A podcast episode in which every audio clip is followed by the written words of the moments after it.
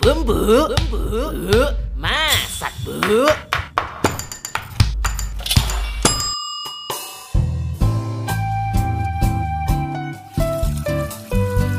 Ibu-ibu, ketemu lagi sama Mas Yono di Bumbu.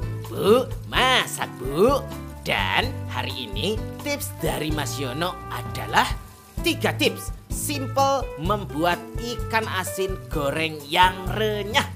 Langsung ya, ke tips yang pertama, ibu-ibu bisa menggunakan tepung beras dan garam. Caranya, bersihkan dan cuci dulu ikan asin, kemudian siapkan tepung beras yang dilarutkan dengan air hangat sampai cukup kental.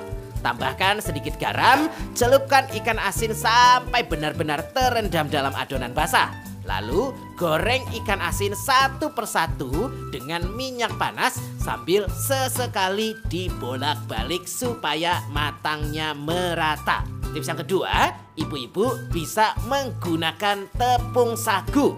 Bila ibu-ibu ingin mengurangi sedikit rasa asinnya, rendam dulu ikan dengan air hangat dalam kurun waktu 15 menit saja.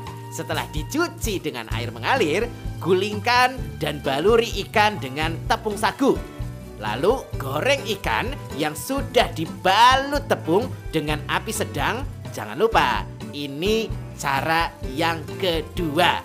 Lalu yang terakhir adalah dengan menggunakan tepung beras ketan dan bawang putih. Caranya juga mirip nih. Ikan asin cuci dulu sampai bersih, kemudian siapkan bawang putih yang sudah dihaluskan dan tepung beras ketan secukupnya. Baluri ikan asin dengan bawang putih, lalu taburi dengan tepung beras ketan secukupnya dan gorenglah dengan minyak panas. Tidak perlu lama-lama, sebentar saja waktu menggorengnya karena langkah ini juga bisa loh membuat ikan asin menjadi lebih renyah. Itu dia tips dari Mas Yono untuk bumbu. Bu, masak bu. Bumbu, bumbu, bu, masak bu.